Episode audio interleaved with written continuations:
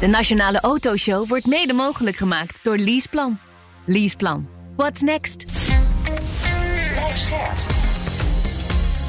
BNR Nieuwsradio. De Nationale Autoshow. Meindert Schut en Wouter Carson. Peugeot heeft de nieuwe 3008 gepresenteerd. Of de 3008, wat ja, is het? hè? volgens mij is het gewoon 3008 in Ja. Nederland althans. Ja? Oké. Dat je, ook, je zegt ook de 508, 604, wat Ja. heb je zo allemaal gehad? Ja, ja. 205, je zei toch nooit Ja, 205, de, de, Peugeot, 2. 205. Ja. Nee. Ja, ik ga proberen het consequent verkeerd te doen eh, straks. Leuk. beelden, beelden lekten overigens eerder al uit, hè? maar deze week is de auto dan officieel gepresenteerd. We spreken erover met eh, Bastiaan de Groot van Peugeot Nederland. Zometeen. Ja, en het Nederlandse bedrijf MCI wordt een steeds belangrijker speler op het gebied van niet alleen buitenspiegels, buitenspiegels denk je, maar ook de grote hoeveelheid. spiegels, dan denk je gelijk aan MCI. Ja, precies. Toch? Eh, grote hoeveelheden camera's en zo in en op auto's. Volgens mij ook laadpoorten deze daar ook niet. Oké. Nou ja, Oké. gaat zo horen. En Wouter, die reed een rondje met de BMW M2. Het is een performante auto, zouden onze zuidenburen dan zeggen. Ja, wat dat precies inhoudt, dat hoor je later. Eerst even het autonieuws. BOVAG trekt aan de bel. Ja, wanneer niet? Nou, eindelijk. ik- nou, groeit, maar dat is slecht voor de autodealers. Dus help ons alsjeblieft, geef ons geld. Dat is toch wel ik een beetje ik de zou toch, bovenaf? toch wel een beetje zeggen, eindelijk trekt de Ja, ja, een beetje ja. aan de bel. We hebben ook wel jaren gehad dat we toch gewoon te weinig van ze hoorden. Nou, van de bovenaf? Ik vind dat wel redelijk... eh, ze zijn er wel aanwezig, vind ik altijd wel. Ja? Nee. nee, maar goed dat ze... Kijk, eh, er, er lijkt een perfecte storm in aantocht. Nee, wat is natuurlijk aan de hand? We hebben nu echt mooie registraties. Hè? Dus als we kijken naar de autoverkoop... maar dat zijn dus eigenlijk registraties. Auto's die vorig jaar al verkocht zijn. Dan Ja. lijkt, ah, groei, groei, groei. Het gaat allemaal fantastisch. Maar de order intake... Ja, die is, eh, die is minder. Klanten zijn afwachtend. EV's bijvoorbeeld is ook helemaal niet meer zo populair. Maar ja, die worden wel gepusht. Dus ze krijgen zeg maar vanuit de fabrikant. Nou, hier, hier hebben jouw Porsche EV's voor de komende zes jaar. En die mag je nu alvast verkopen. Want in Nederland ging het allemaal zo lekker eh, goed. Dan komt er nog het agentuurmodel. eh, dus dat, dan, dan, dan verandert er ook weer van alles. Kosten stijgen. eh, personeel moeilijk te krijgen. Automatiseringskosten flink toenemen. Nou ja, goed. Nou, dan op een gegeven moment gaan ze natuurlijk lopen bitchen over alles wat er mis is eh, ik in de heb wel wereld. altijd het idee dat de, de BOVAG probeert eh, te laten zien dat de inkomsten van autodealers heel erg onder druk staan. Ja. Maar als je dan ziet in wat voor auto's die autodealers zelf Dat- rijden dat- en dat- wat voor auto's ze daarnaast nog zelf hebben, Ja, dat valt allemaal idee, wel weer mee. mij is dit ook een doelgroep waar je niet heel veel medelijden mee hoeft te hebben. Nee, nee in, in principe niet. Maar, dat is ook wel omdat ze vaak lekker ondernemend zijn. Ja. Eh, tegelijkertijd, eh, ja, nieuwe autoverkoop is natuurlijk een soort vrije val al, al Ja. jaren in Nederland. Eh, enorme druk op automobiliteit aan zich en de betaalbaarheid daarvan. Nou ja, dit, dus ja, weet je wel, het is niet gek dat zij wel wat dingen roepen. Ik denk dat het ook wel nodig is. Weet je, moeten de, de auto niet alleen maar in het eh, verdomhoekje zetten. Zeker niet. Nee. Want eh, zelfs die, verwoeste Extinction Rebellion GroenLinkser, als die zeg maar, van zijn fietsje afvalt, eh, dan vindt hij toch fijn dat er een ambulance komt. En die komt Nee, gewoon met komt- een verbrandingsmotor, nee, een dieselvaart nee. Binnenkort komt daar gewoon een bakfiets. Ja, elektrische bakfiets. Nou, dat, dat zou wel goed zijn. Nou, Meneer, waar heeft u op gestemd? Ah, oké. Nou, dan bellen we een bakfiets. Kan iets langer duren deze keer, want ja, tegenwind en zo. Nee, Hey, flauwigheid. hey, maar dat, is eh, wel een punt wat je zegt daar, hè, dat eh, de verkoop van volledig elektrische auto's toch ja, zeer onder druk staat. Mm. Merkt Volkswagen ook, hè, want die, die schappen gewoon, eh, nou, het zijn er nu nog 270 banen bij de fabriek in 269, Zwickau. Ja, 269. Ja, ja eh, eh, precies. ik zei bijna bij- 270, ja, dat is precies 269. Ja. Ehm, eh, die banen verdwijnen, het zijn allemaal tijdelijke contracten, maar bij Ja, Zwickau... dat, is minder, dat is- dat is minder erg, hè? Mensen die er tijdelijk werken. Nee, of ja, niet? dat is Oh, echt ja, veel minder ja. erg. je, je was kracht. Dan loop je naar te zeuren. Je wist toch dat dit kon gebeuren? Dat heet dan natuurlijk verloop. Ja, is natuurlijk maar, verloop, maar in elk geval, dat heeft daarmee te maken. Want in Zwickau bouwen ze eh batterij-elektrische auto's. Hè, Ja, EV's. ja die, die, daar hebben ze het en, en lastig er staan mee. ook nog 2000 extra banen op de tocht daar. Nou, ja, nee, dat klopt. Nou weet ik niet wat het, wat het strategische eh, spelletje daarmee Nou, ook wat weer ze is. zelf in ieder geval zeggen is dat Minder vraag. de, de- ja, de order intake eh, van Ja. het bedrijfsleven is 70% omlaag gegaan. Dat heeft Ja. ook te maken met subsidie, hè, die in Duitsland af is gelopen deze maand. Maar Ja. ook met de inflatie. Het is gewoon duur. Ja, inflatie en subsidies in Nederland die natuurlijk ook minder zijn. Voordat mensen, oh, er zijn geen subsidies. Elke korting die je krijgt op iets wat je betaalt is een subsidie. Ik heb het laatst ergens een definitie van. Maar vraag, loop anders even bij de Volkswagen dealer en zeg, joh, wanneer komt de instap ID3 bijvoorbeeld? Hè? Want Ja. ze hebben alleen maar de grote batterij. Ze hebben toen allemaal verschillende batterijcapaciteiten aangekondigd. Eh, en daar zie je ook gewoon dat er, dat er toch een beetje een ja, raar spel vanuit de fabrikant. Die, ze hebben ze wel, maar ze bouwen ze niet. Eh, en bieden ze dus Ja. ook niet aan. Nee. En dus hou je ook ja, de wat duurdere modellen over. Ja, en dat is lastige verkopen nu. Dus mm, ja, dus de- daar speelt ook nog wel andere Ja, dingen volgens maar mij. gelukkig denkt het Openbaar Ministerie met ons mee. Ja, boetes omlaag. Boetes worden goedkoper. Ja, nou, we- Van dit- ze gaan omlaag. Nou, ja, weet je, sommige boetes zijn gewoon schofterig duur.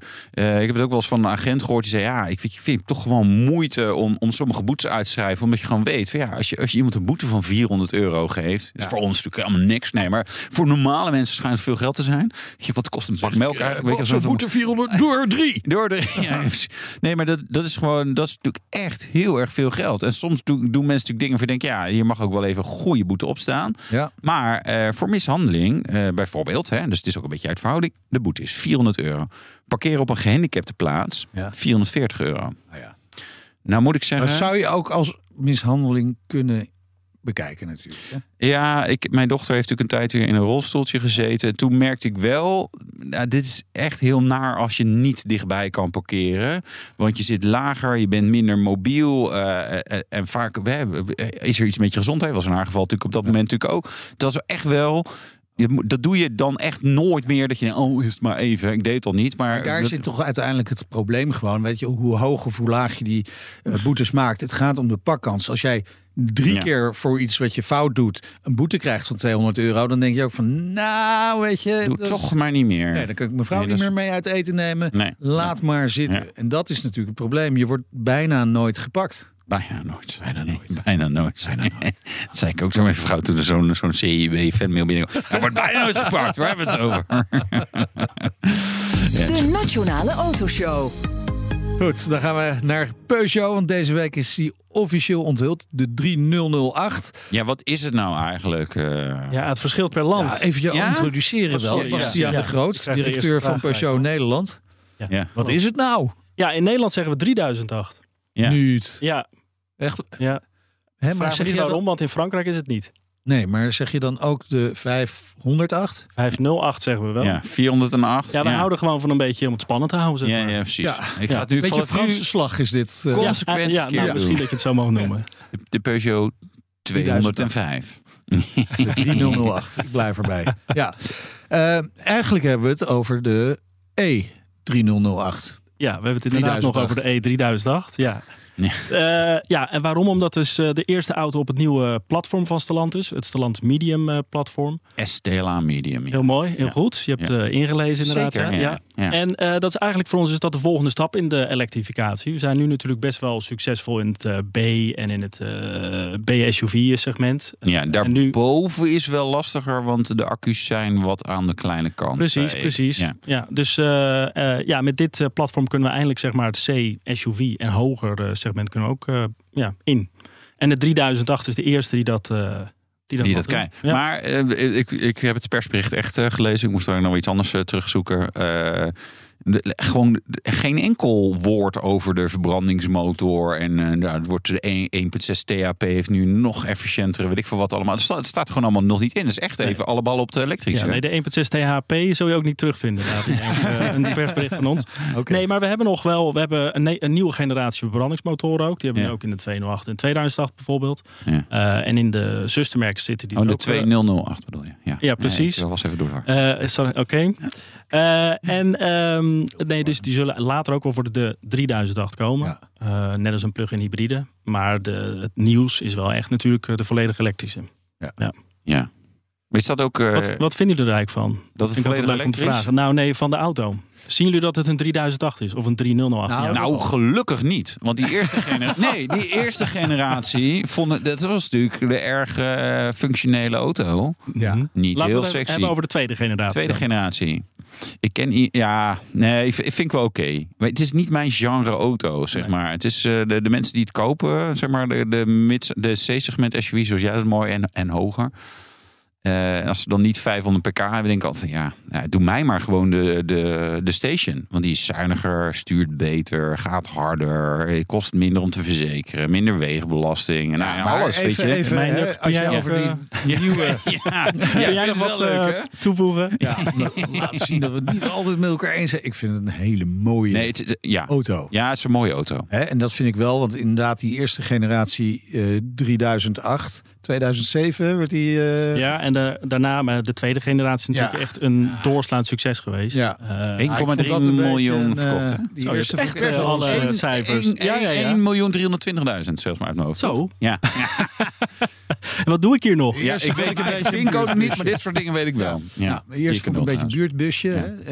en, en dit is gewoon wel echt gewoon een, een auto. Ja, en natuurlijk voor ons echt geweldig, want we hebben nu eh, twee elektro-varianten, zeg maar, twee eh, accu's. Ja. Eentje met 525 eh, kilometer range en eentje met 700 eh, kilometer range. Ja, dat is natuurlijk voor ons echt een hele grote stap verder. Maar ook in de markt is dat heel Ja, erg, dat is, maar, maar ik keek ook en, en dat zocht ik ook even op. En toen dacht ik, wow, 98 kilowattuur groot. Dat is ook gewoon echt een grote accu. Absoluut, ja. En daar is dat hele platform ook voor gebouwd, zodat we ook nog grotere auto's. Ja, Zoals Ja. je weet, de 3008 heeft altijd een eh, wat groter broertje gehad. de 5008. Hoe je het ook wil noemen, de 5008 inderdaad. Ja. Ja. En, Wanneer eh, komt die? eh, dat zal pas volgend jaar zijn, maar die komt er ook Ook al aan. Q1 al? Ja, en Q1 zal die in ieder geval onthuld worden. Ah, oké. Ja, ja. Ja, gaat- En dat is natuurlijk, dan hebben we eigenlijk twee auto's in dat, ja, het belangrijkste elektrische segment in Nederland. Eén op de drie eh, elektrische auto's in Nederland wordt in het eh, C-SUV eh, verkocht. Ja, ja. Voornamelijk in de zakelijke markt. Dus, dus één op de drie is een Tesla Model Y. Waar je Dat- nee, Na- nee, nee. Bijna. Nou, Bijna, nee, ja, het niet er zijn nog wel wat anderen die ook wel mee, eh, meedoen. Maar wij zijn zelf als Talantus, zeker met Peugeot, zijn we heel erg succesvol in de particuliere klanten elektrisch. Ja. Ja. en nu kunnen we, hebben we een auto die ook voor de zakelijke markt geschikt is. Ja. Ja. Maar ik, ik dacht wel, oeh, 98 kilowattuur batterij. Nou, Mhm. dat wordt een zware jongen. eh, en, en mogelijk ook wel een kostbare jongen. Je hebt natuurlijk helemaal niks over prijs gezegd. Maar het is natuurlijk wel... Ja, die lithium-ion cellen zijn niet, niet bepaald gratis. Dus ik dacht wel van ja, leuk dat het er is. Maar Mhm. hè, je ziet dat eh, de kopers gaan ook gewoon steeds weer voordeligere EV's kopen. Is, wordt, wordt die, die grote accu de, de hardloper of juist de, de, de kleinere? Die, en die ook nog 525 kilometer range heeft natuurlijk. Nou, onze eh, eh, CEO, meneer Tavares, was eh, vorige maand bij ons. En toen vroeg hij, ja, maar ben je, ben je tevreden met de prijzen? En toen zei ik, nou, als het niet zo is, zou ik het ook zeggen. Maar we zijn erg tevreden met de prijzen. Alleen eh, gaan we die pas bekendmaken als we de auto ook gaan produceren. Met Ja. één hele simpele reden. Jullie hadden het er net ook al over. Die markt staat nogal onder druk. Nou. Elke dag komt er de nieuws van concurrenten. Dus eh, hij is ook concu con- Concurrerend? concurrerend geprijsd in ieder geval. Oké. Ja. Eh, zoals we hem nu eh, gepland hebben. Maar als de markt nog veel verder eh, doorgaat, misschien dat we het nog wel aanpassen. Ja, Hm. Oh, oké, want daar zijn jullie wel open voor. Want Tavares die heeft er natuurlijk wel voor gewaarschuwd, hè, voor die, die prijzenoorlog, dat dat gewoon niet goed Absoluut. is. Ja, En ik kan me heel goed voorstellen bij, bij de zeg maar, bestaande automerken in Europa, dat je gewoon ook die marges nodig hebt om weer te kunnen investeren in die energietransitie. Ja, nee, absoluut. In, in Ja. De elektrificatie. ja, nee, er moet wel geld verdiend worden om inderdaad die elektrificatie te kunnen betalen. Inderdaad, ja. Ja. Eh, als de land is, is dat gelukkig eh, bij ons aan de goede kant. Hè. We, we hebben goede winsten om te kunnen investeren. Eh, en Nederland is een hele belangrijke markt voor eh Stellantis op EV. Ik denk voor alle, mer- voor alle merken trouwens wel. Ja. Eh, dus de 3008 als eerste Stellantis medium eh, eh, model, zeg maar. Met die nieuwe accu's, die moet gewoon succesvol zijn. Ja. Ja, oké. Dus dat wordt een scherpe prijs. Net, net geen subsidie of net wel subsidie? Als particulier. Mijn microfoon viel even uit. Je krijgt altijd nog een kans hè, bij Ja, ons. ja, ja, precies. Ik kan Ja, maar gewoon, die- weet je, die- het is onder ons. Dit luistert Nou, zou het nu alleen, live, niet? alleen maar live zijn, maar het wordt ook later op de podcast ja, is eh, beschikbaar, ja. dus dat is jammer. Ja. Ja. Hey, maar die E308 die is eh, natuurlijk wel met 2000 euro omlaag gegaan Ja. in prijs. Hè? Dus eh, wa- waardoor ze het onder die grens van 45.000 Correct, komen. allemaal, ja. Ook de station. in aanmerking dus ook voor die subsidie, die Ja. wel. Ehm, maar maar eh, wordt, wordt daar met de prijsstelling van de eh 3008 dan al gelijk rekening mee gehouden? In dat segment zit niet heel veel wat, eh, zitten niet heel veel modellen die al eh, onder die 45.000 zitten, zeg maar. Dus dat is, eh, dat is nog niet zeg maar de bedoeling. oh, oké. Ja? Ja. Oké. Nou, Ja, we gaan weten wel genoeg nu, hè? Ja. We kunnen het ergens anders over Ja, hebben. Wanneer wordt die leverbaar? Eh, we zullen, als het even mee zit, in januari de eerste auto's eh, hebben eh, bij de dealer. Dus, eh, of bij de retailers zijn het bij ons tegenwoordig natuurlijk. Oh, jullie zijn agentuur, of niet? Nou, we zijn niet agentuur, Nee. wij hebben het retailermodel. oh, wat Ik zat trouwens vorige week was ik naar jullie aan het luisteren in mijn eh fluisterstille 408. En toen schrok ik me toch eventjes eh, een, een hoedje. Omdat er werd gezegd dat het is uitgesteld. We zijn ondertussen al begonnen. Dus eh, Ja, het is niet uitgesteld. nee, het, is niet, het was wel even uitgesteld. Maar we zijn ondertussen wel begonnen inderdaad. Oké. Nee, dus we beginnen in, ehm, in januari met de, de levering van de auto's. Maar daarvoor zullen we al wel de productie starten. Dus ook de prijzen bekendmaken. Dus laten we zeggen over zes weken zullen de prijzen bekend worden. Jee, spannend. En dan maar hopen dat er tussen november en januari niet te veel in de markt gaat veranderen. Nou ja, Oh, het is wel weer einde eh, kwartaal voor eh, zeker beursgenoteerd bedrijf uit Amerika. En die is dan altijd weer iets eh, moet gaan doen, want die moet groei, groei, groei laten zien. Dus nee, ik, ik, ik ben oprecht benieuwd. Wat Maar dat dat beursgenoteerde bedrijf heeft ook wel even de prijzen nog verhoogd. Hè? Ja. Ja, Dus- ja. ja model vernieuwd. Ja, Eh, dus- ja. En van, de, van van zijn grote modellen weer, weer een klein beetje afgeprijsd. Ja, hè? Kleine precies. 30.000 dollar Ja, eraf. maar dat is niet echt een concurrent. Nee, niet echt hè? Nee. Nee, waar komt de concurrentie wel vandaan? Nou, de concurrentie komt daar ook wel vandaan natuurlijk. Maar ook gewoon uit, eh, uit Duitsland. eh, de, de, ja, Ja. We zijn als Stellantis in Nederland de, het concern zeg maar, voor elektrische auto's. Wij verkopen meer dan wie dan ook. Dat zou je niet eh, zeggen, maar dat is dus Nee. wel zo.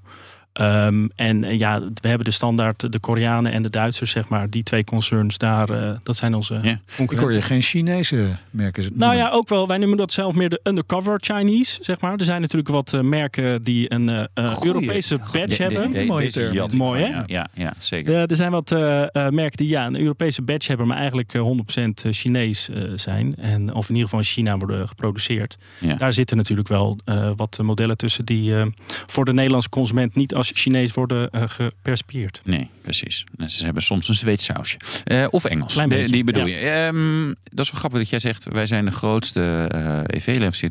Mm, Ja, dat wist ik niet. Verbaast me niet 100%, omdat ik weet, de E208 bijvoorbeeld is wel een auto die het Ja. heel goed doet. Want daar, Ja. dit is, is eigenlijk, ja, los van zijn zustermodel de Corsa, is er niet echt, niet echt concurrentie. Dat is gewoon een leuke auto, eh, stuurt goed. eh, Hij is niet super raar, maar goed, hè, ja, hè, dat is het bezig bent.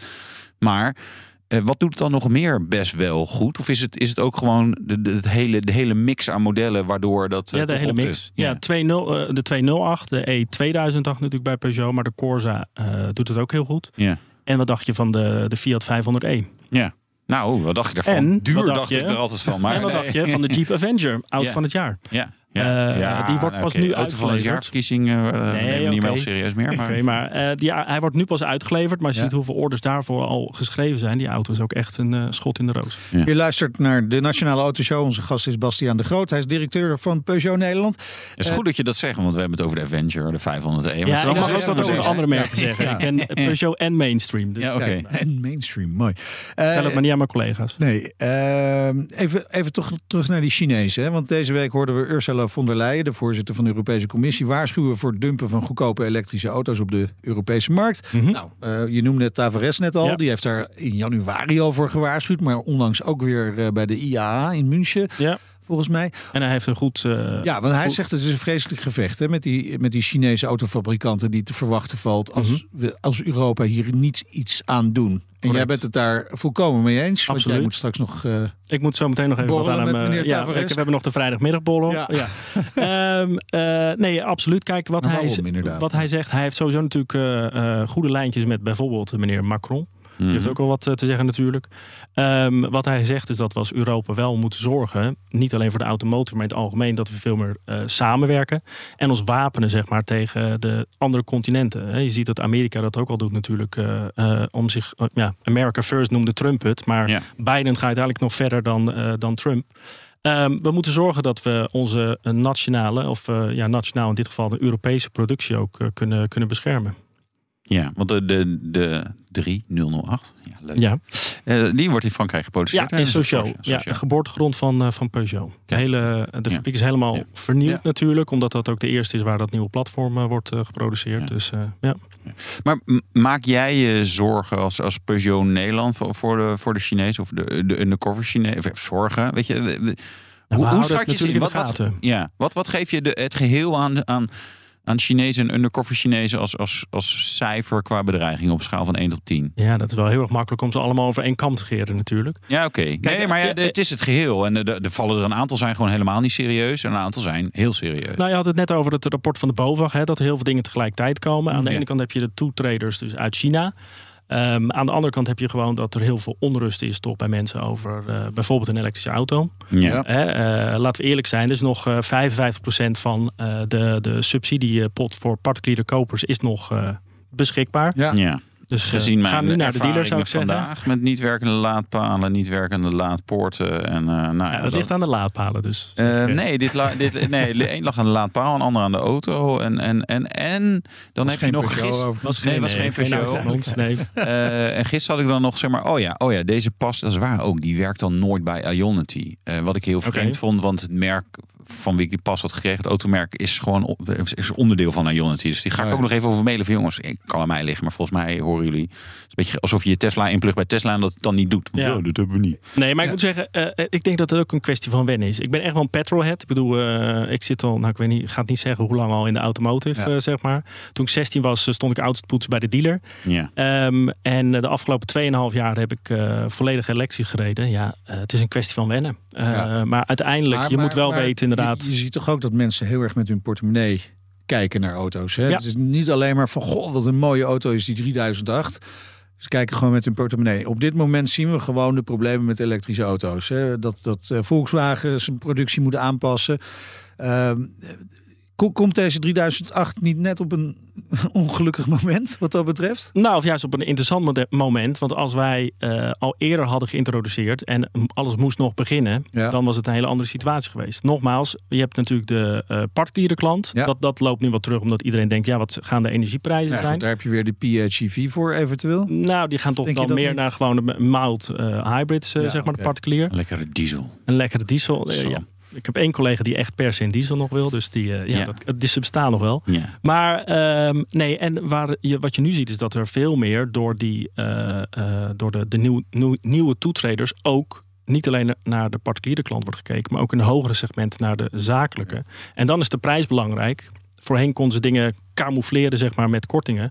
Eh, maar met een zakelijke klant kan je dat niet doen, omdat je ook om de bijtelling eh, natuurlijk de prijs Ja. moet aanpassen. Yes. En Dus- jullie willen de zakelijke markt veroveren met de Ja. 3008. Dus Dat eh, wa- daar waren we altijd heel goed in natuurlijk toen eh, nog niks van elektrificatie bestond, om het zo te zeggen. Eh, dus, eh, dus dat. Nou, het is een scherp prijsje aan, denk ik. ja, dat is ook. Onder de 45, denk ik. Nee. hoeveel, hoeveel, hoeveel, hoeveel ver- verwacht je er weg te zetten?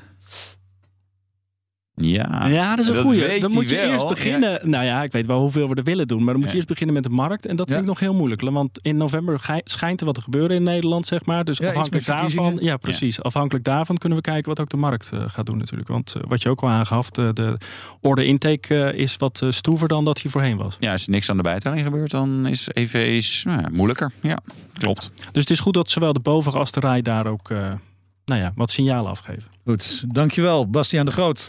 Hij is de baas van Peugeot Nederland. En zometeen. Eh, Het Nederlandse bedrijf MC heeft handen vol aan het groeiende aantal camera's in de auto. En spreken zo met Arjan van Gelderen, Director Business Development bij het bedrijf. En Wouter die test de BMW M2. Tot zo. De Nationale Autoshow wordt mede mogelijk gemaakt door Leaseplan. Leaseplan. What's next? De Nationale Autoshow wordt mede mogelijk gemaakt door Leaseplan. Het Eneco Klimaatreport van deze week komt uit Amsterdam. Ik ben Pascal en ik sta hier met de oprichter van Wikkelhuis op de werkplaats. Oep, wat zie ik hier? Ja, je ziet allemaal huisjes. Ja, En welke rol speelt energie-efficiëntie in jullie ontwerp- en bouwproces? We bouwen alleen maar met hernieuwbare materialen. Maar het leukste is dat we eigenlijk eh, zonne-energie gebruiken voor onze elektriciteit. We hebben duizend zonnepanelen op ons dak van de werkplaats. Duizend zonnepanelen, dat zijn er een hoop. Ik kan me voorstellen dat er eh, veel stroom vanaf komt. Ja, er komt een enorme bak met stroom uit. En soms in de zomer is dat ook te veel. En daarom werken we samen met eh, Eneco, met het eh opwek optimaal systeem. En wat doet dat eh, systeem? Een soort dimmer, dat als er te veel stroom is, dat je dat zeg maar wat terug eh, reguleert, zodat er geen netcongestie ontstaat, want dan zou alles eh, vastlopen. Eh juiste balans op het energienetwerk. Ja, precies. En zo werkt Wikkelhuis samen met Eneco aan klimaatambities. Is het ook iets voor jouw bedrijf? Check dan eneco.nl slash klimaatambities. plan. What's next? BNR Nieuwsradio. De Nationale Autoshow. Meindert Schut en Wouter Carson.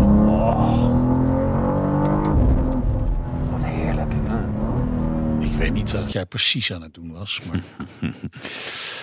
High performance driving was dat. Oh ja. Ja. Ah, ja. Ja. ja. nou straks, eh, dit was een voorproefje, straks meer eh, over de M2. Maar eerst naar buitenspiegels. In camera's. je Ja, auto. een intro, hè? ja. Nou, eh, dit is echt eh, alsof je het toetje al laat zien. Maar dus Ja. eerst nog even die salade vooraf en het gezonde hoofd, eh, Ja. hoofdgerecht. Nee, dat- eerst nee, een beetje taugé en dan... Ja, ja, ja. Nee, nou, het is niet waar. dat is niet het- waar. Nee, het Nederlandse bedrijf MCW krijgt steeds drukker. Nu, ja, weet je, camera's, spiegels, veiligheidsfeatures worden steeds belangrijker. En dat is, dat is eigenlijk best interessant om op zo'n deelonderwerp eens even lekker in te zoomen. Zeker. En daarover eh, gaan we dan ook praten met Arjen van Gelderen, Director Business Development van MCI. Welkom, leuk dat je er bent. Ja, dank jullie wel. Leuk om ook weer te Ja, zijn. en je hebt eh, achter je een heel winkeltje uitgestald. Ja, dus als mensen nog een eh, buitenspiegeltje nodig hebben, dan moeten ze vooral hier naartoe komen. Nee, maar dit zijn een paar van die dingen die jullie maken. Daar gaan we het zo over hebben. Eh, even terug in de tijd, want in 2017 was je hier ook al eens te gast. Klopt. Is natuurlijk terug te vinden via het podcastplatformen, waar je ze ook kunt vinden, ook via bnr.nl slash autoshow. Eh, toen, toen ging het over eh, het feit dat MCI aan de wieg stond van elektrisch inklapbare buitenspiegels. Hè? Sprak je van een marktaandeel van 40 Ja. is er iets veranderd in die tijd? Er is zeker wat veranderd. eh, dat we dus ook eh in tussentijd eh 100 jaar bestaan dit Ja, jaar. gefeliciteerd. En dat, Dit jaar? dit jaar, Wauw. precies. In 1923 opgericht, dus nog altijd op de oude gracht in Utrecht, niet waar? Ja. En we zijn ook onbenoemd naar motion controls. Dus we doen niet alleen meer buitenspiegels. Dus wel bij Want het was mirror controls, Het hè? was mirror controls. En, ja, Ja. Dus nog steeds MCI. Maar Ja, ja, is wel meer makkelijk. Motion geworden, lekker makkelijk. En, dus we maken ook een aantal andere producten in tussentijd. En ja, dus dat gaat heel goed.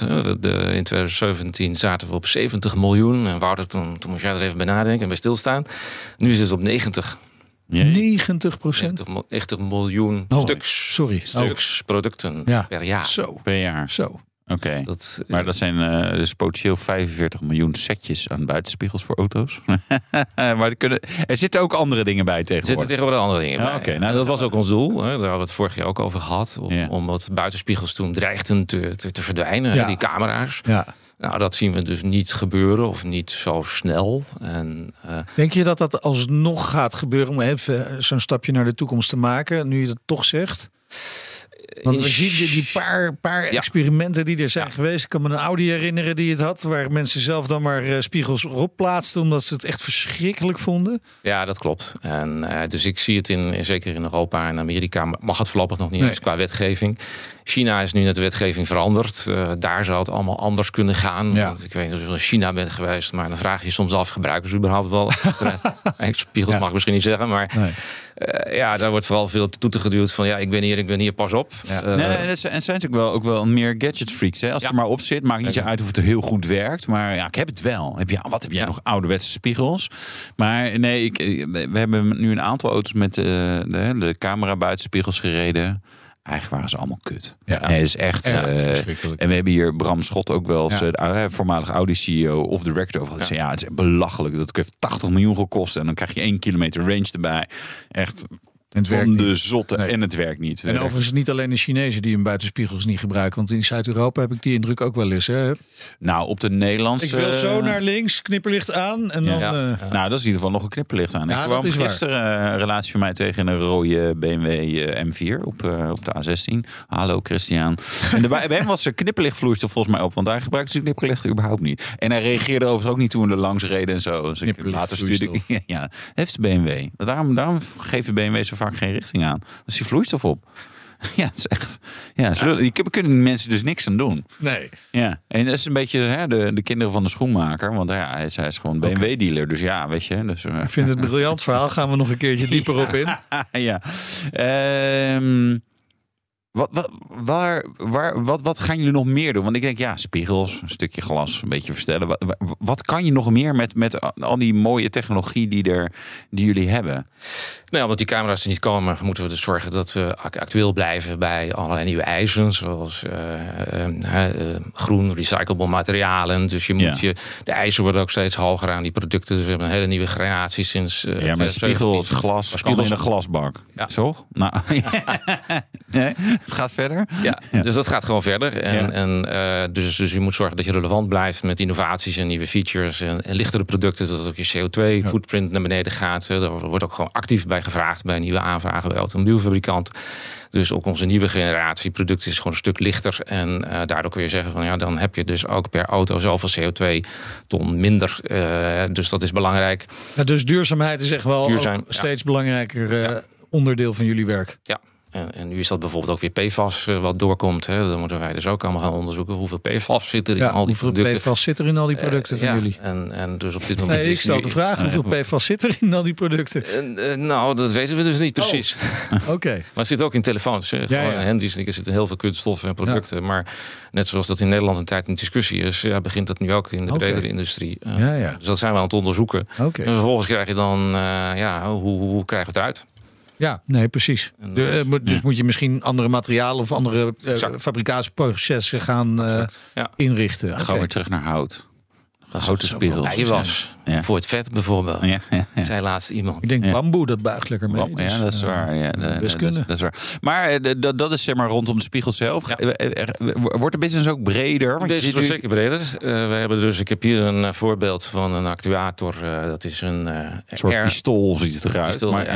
ja. Dat is, tenminste, mijn kinderen Ja, zouden of daar... of dit- ik zou het als dit ze kan zo dus naar beneden. verfspuit. ja, vers- ja. En dit bedient dus een air dam. Dus met name op in Amerika verkopen we dat aan eh, eh, de, de Je moet dat even uitleggen hoor. Een luchtdam. Airdam. Air dam, dus een ouderwetse spoiler voor op de, Oh, onder de ja, ja, ja. bumper van de auto. Ja, ja. Maar goed, het is niet zo handig als je een pick-up truck hebt. Want eh, ja, de eerste hobbel en ding Ja. ligt er onderuit. Ja. Ja. Ja. Eh, dus deze worden dus nu daaronder gebouwd. Omdat je dan als je op de highway rijdt, dan eh, komt er heel veel lucht onder die Ja. auto door. En dat is heel inefficiënt. Ja. Dus, eh, maar, dus dan hebben ook zo'n verstelbare Hier ook een aftermarket eh, Zo. dingen. Gewoon lekker, eh, nee, gewoon, gewoon lekker dit, dit ergens in je auto schroeven. Dat je, hem- dat je hem lekker laag kan maken. Dat zou zeker ook interessant kunnen zijn. Ja, Ja. Want ja, die, al die lage eh, auto's, ja, op iedere... Maar, maar dit levert gewoon brandstofbesparing Dit ook heeft op. brandstofbesparing op. Of range, hè, geeft extra ja, range. ja. En, eh, dus dat, dat leveren wij nu vooral in Amerika op eh, pick-up trucks. Eh, of dat nog een veel grotere markt wordt, dat, dat weten we niet. Maar dat is wel iets wat we dus in de afgelopen jaren goed hebben doorgezet. We hebben daar ook nieuwe klanten nog voor. Dus daar, daar groeien we nog mee. En, ehm, voor de rest proberen we ook eh, in, in andere gebieden, zoals die camera's. Dus we zitten nu in tussentijds eh, vooral ook eh, op de trucks, waar dus je overal ziet dat die camera-wingetjes op die truck zitten. Daar heeft het namelijk wel zin.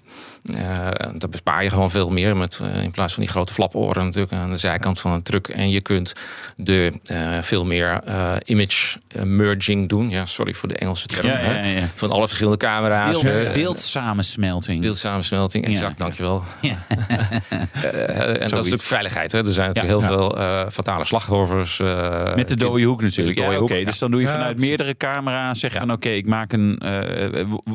Eigenlijk weten mensen het wel. Natuurlijk, van, als, je, als je een moderne auto hebt, je zet hem in, in de achteruit, dan doet hij natuurlijk vaak zeg maar, hè, alsof je van boven een drone boven je auto en alle, Ja. alle camerabeelden bij elkaar. En dan, Ja. dan dat, die technologie feitelijk zou je kunnen zeggen. Ja, en, en, en, en, ja, dus voor vrachtauto's brengt het ook een brandstofbesparing. eh, omdat die natuurlijk ook continu rijden. En op een gewone auto brengt het geen besparing, is Nee. de conclusie. Omdat ja, als jij in de file staat met een spiegel, verbruikt die niks. Nee. Een camerasysteem met monitors, net zoals die monitors, als je hand er dichtbij houdt, dan, dan voel je warmte. Ja. Dus als je in de file stilstaat of voor een stoplicht, dan verbruikt zo'n camerasysteem continu stroom. Dus wat je wint bij hogere eh, snelheden aan eh, minder eh, luchtweerstand, Ja. raak je weer kwijt eh, als je in de file Oh, oké. of in, in de stedenomgeving rijdt. Dus ja. Interessant. Het is eigenlijk verkeerd gemarket, die eh, eh, buitenspiegels. de, de buitenspiegelcamera's. Dat is natuurlijk gewoon voor een hogere topsnelheid op de autobaan. Daar zou het wel. want dan scheelt het eh, 1% Ja. luchtweerstand. En dan, nou, en je geen, met elektrisch, met hè, de, Ja. de, bu- de Wil, buitenspiegelcamera's. wil je buitenspiegelcamera's, dan moet je harder rijden. Ja, ja, eigenlijk wel, ja. Ja. lopen. Goed. Even, eh, autofabrikanten kijken altijd jaren vooruit hè, met de ontwikkeling Klopt. van hun producten. Ik kan me voorstellen dat jullie daar ook mee bezig zijn. Als je bij wil blijven. Dat, dat is zeker En waar. een beetje sturing wil geven aan de autofabrikanten. Ja, dus ook normaal gesproken. Als ik, eh, ik heb nu een paar dingetjes meegenomen. Ja. Meestal ga ik met twee rolkoffers. Of als een collega meekomt, allebei een rolkoffer met allemaal van dit soort eh, onderdeeltjes. En eh, dus ik liet jullie net ook al wat eh, een sampletje zien van een glasactuator. eh, waar dan nog maar één eh Ja, elektromotortje die heb in ik zit. nu in mijn hand. Hè? Dus normaal gesproken heb je voor iedere verstelas, hè, dus van links naar rechts heb je één motortje. beneden. Dus één draairichting ga je naar links, andere draairichting ga je naar rechts met je spiegelglas. Ja. En dan wil je naar boven en dan gebruik je het andere motortje. En naar boven is het ene draairichting, de andere richting. Hier heb je dus één motortje die al die vier richtingen beweegt. Kijk. Je, je staat er ook heel trots bij. Ja. Van dat, dat is blijkbaar ingewikkeld om te doen. Dus, Dat is heel ingewikkeld om Ja. te doen. Want Ja. je hebt dus één draairichting die dus twee bewegingen moet doen. ja. Oké. En, eh, dus daar hebben wij een, een schakelmechaniekje. Dus we vangen een één elektromotortje door een, een mechanisch schakelmechaniekje. En wordt het goedkoper en lichter en min- minder CO2, minder PFAS, nou alles. Eigenlijk. Alles. Ja. En je bespaart ook nog eens een keertje een kabeltje en een stekkertje. Want je hebt maar één motortje in plaats van drie. Dus er gaat nog meer. En hoe, hoe werkt dat nou? Want bedenken jullie dit zelf en gaan jullie daarna mee naar de fabrikant? Of is het ook Exact, dat een fabrikant denkt af en toe... hey, eh, MCI, we hebben eh, iets in gedachten voor onze auto. Kunnen jullie dat oplossen? Nou, wij hebben dit vooral zelf bedacht. Omdat, eh, ja, kijk, wij maken natuurlijk, hè, zoals vorige keer zo iets van, op de website iets van 50 miljoen van die, van die glasactuatoren. Dat betekent gewoon aan het eind van het leven, als er twee elektromotoren in zitten die heel klein zijn, Ja. 110 miljoen van die motortjes gewoon als stortgoed in de natuur verdwijnen. Ja. Dus als je dit kan vervangen door eh, maar één motortje, eh, dat is dan waste reduction, zoals het dan op zijn Engels eh, in, in de industrie genoemd Ja. wordt, is er een hele flinke bijdrage aan om op die manier ook toch een groene ergens bijdragen. hè. Dus het product wat je niet gebruikt, dat is het meest groene. Ja, gaat een hele wereld schuil achter. Alleen maar de buitenspiegels Ja, al, ja. maar ook de camera's Ja. van je auto. Denk Ja. daar maar eens aan als je achter het stuur zit. Ja, hè? precies. En de airdams. En nou ja, Ja, het, is, het zeker grappig. Ik vind het altijd wel interessant om... eh, Zeker. om- om- We zouden nog veel langer kunnen praten, alleen is onze tijd eh, voorbij, helaas. zeker, ja. Dankjewel, Arjan van Gelderen. Top dat je naar de studio kwam. Director Business Development van MCI, Motion Controls International. Of zeg ik? Ja, ik Ja, zeg het wel goed. Hè? Ja. gelukkig. De rijimpressie. Ja, inderdaad, tijd om te gaan rijden. Je hoort Wouter op pad met de BMW M2. Zit daar ook eh, van jullie spullen in, in die M2? Ja, daar zitten ook onze spullen op. Kijk. Ja, dus eh, die kunnen die... eh, En dat ging was ook echt goed. Die Heel goede kwaliteit. Ja, was zo goed. nou, laten we maar gaan luisteren. leuk. En daar gaan we. Je hoort misschien een beetje wielspin. Nou, nu dit is 100. En wat harder dan 100 natuurlijk, maar we zijn in Mexico, dus het maakt allemaal niet uit. Ja, en nu gaan we weer bochten rijden. Het is wel echt snel. Ah, de nieuwe M2. Dit is ja, wel het soort auto wat ik erg leuk vind. Compact, dikke motor, lekker om aan te gluren. Nou ja, dat maakt mij nog niet eens heel veel uit overigens. Maar ja, toch ook iets praktisch. Hè? Dus eh, vier zitplaatsen, een achterbak. Eh, deze auto heeft zelfs adaptieve cruise control, een lane departure warning en zo. Ja, weet je, dus je brengt eigenlijk het beste van twee werelden in, één pakketje samen. Is dat je en hem heel goed dagelijks kan gebruiken en er de enorme hooligan mee kan uithangen. Het is een performante auto, zouden onze zuidenburen dan zeggen. Ehm, is die zeker. Opgegeven 4,1 seconden naar de 100. Ehm, je kunt hem ook met handbak krijgen. Dan is hij zo'n 2 tienden naar de 100 langzamer. Eh, in de praktijk natuurlijk nog langzamer. Want jij en ik kunnen niet iedere keer zo mooi lanceren als een automaat dat kan. Maar goed, dat maakt niet zoveel uit. Dus overigens, een van de laatste BMW M-producten die met handbak te verkrijgen is. Hè, die nieuw wordt gelanceerd. M3 en M4 kan nu ook nog steeds overigens. 0 naar 200. Even uit mijn hoofd. 13,5 seconden. Volgens mij zaten we daar ook behoorlijk dichtbij in de buurt bij onze performance testen in Mexico. Dus ja, dat geeft gewoon wel aan. Ja, dit, dit is een bommetje. Want dit is natuurlijk uiteindelijk een 2-serie coupé. Ehm, niet al te grote auto. Ehm, de kracht wordt geleverd door eh, de bekende 3 liter 6 in lijn, 2 turbo's, directe benzine-injectie. Nou, alle mooie technologie. Ja, tunneltje. Waarom ontdek ik dat nu pas?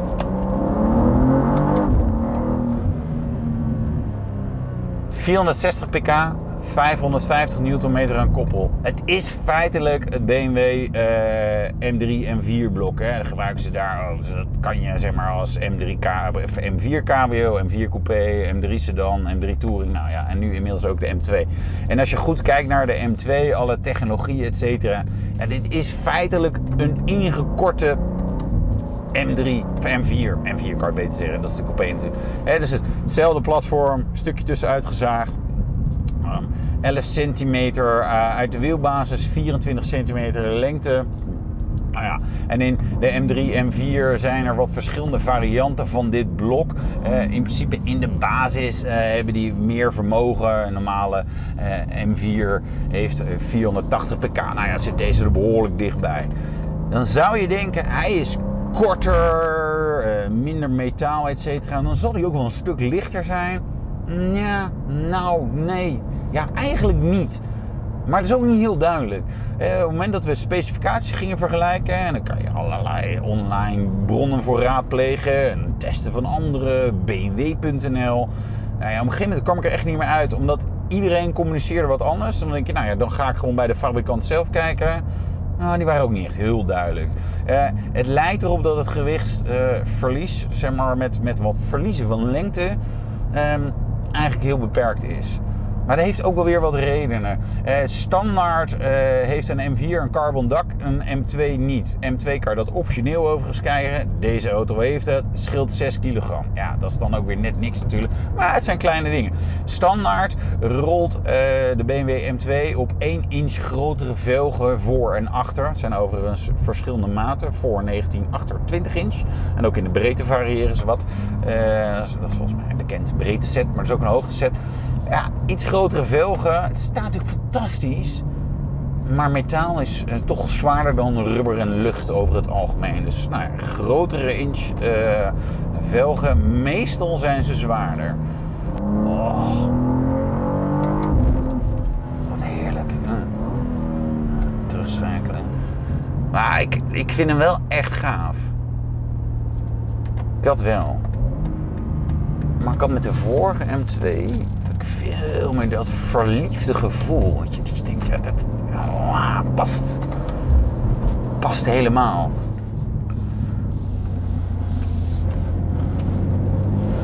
Goed, niet per se dat verliefde gevoel, maar ja, wel een lekkere auto natuurlijk. Um, overigens is dit gewoon de M2. Uh, bij de vorige generatie M2 kwam ook de eerste M2. En toen kwam een M2 Competition, zeg maar even iets ruiger. En toen kwam een M2 CS, nog ruiger. En het werd steeds leuker, meer vermogen en stoerder. Dus ja, er zit misschien nog wel wat in het vat. Je weet het niet. Ja, ik merk dat je er wel blij van wordt, maar niet echt vlinders in je buik. Je gaat nog geen relatie aan met de M2. Nee, nee, dat is, nee, nee ik denk dat dat een goede conclusie is. Terwijl bij de vorige generatie had ik, uh, het is natuurlijk M2, M3, M4, dat is allemaal, uh, allemaal auto's die, die, die hetzelfde technologie, deels hetzelfde platform en er zijn accentverschillen. Bij de vorige generatie had ik echt van, nou, ik vind de M2 veruit het leukste. Ja. Uh, en nu merk ik van, nou ja, ja als dit is, hij is, hij is een stuk goedkoper dan een M3 of een 4. Ja. Maar ik vind een M3 eigenlijk gewoon wat, wat beter sturen. Leuk, weet je, hij, ja. Het is een leuke vriendin, maar je hoeft ja. er niet elke dag te zien. Nee. zoiets. Goed. Dit was de Nationale Autoshow. Terugluisteren kan via de site, uh, via onze app, maar ook een podcastplatform naar keuze. Vergeet je niet te abonneren. Volg ons Twitter, Facebook, Instagram, LinkedIn. Ik ben Meijnerd Schut. En ik ben Wouter Karsen. Tot volgende week. En dan staan we... Uh, ergens bestand voor, geloof ja. ik. Hè? Ja. EV Experience. Oké, okay, daar dus. Leuk hè? Ja. Tot dan. De Nationale Autoshow wordt mede mogelijk gemaakt door Leaseplan. Leaseplan. What's next? Bij BNR ben je altijd als eerste op de hoogte van het laatste nieuws. Luister dagelijks live via internet. Jelle Maasbach. Wesley Weert. We zijn er voor je met het leukste, opvallendste, maar natuurlijk ook het belangrijkste nieuws. Tijdens de presentatie van die halfjaarcijfers toen die beurskoers in elkaar kukkelde. BNR Beurs. Voor de slimme belegger. Blijf scherp en mis niets.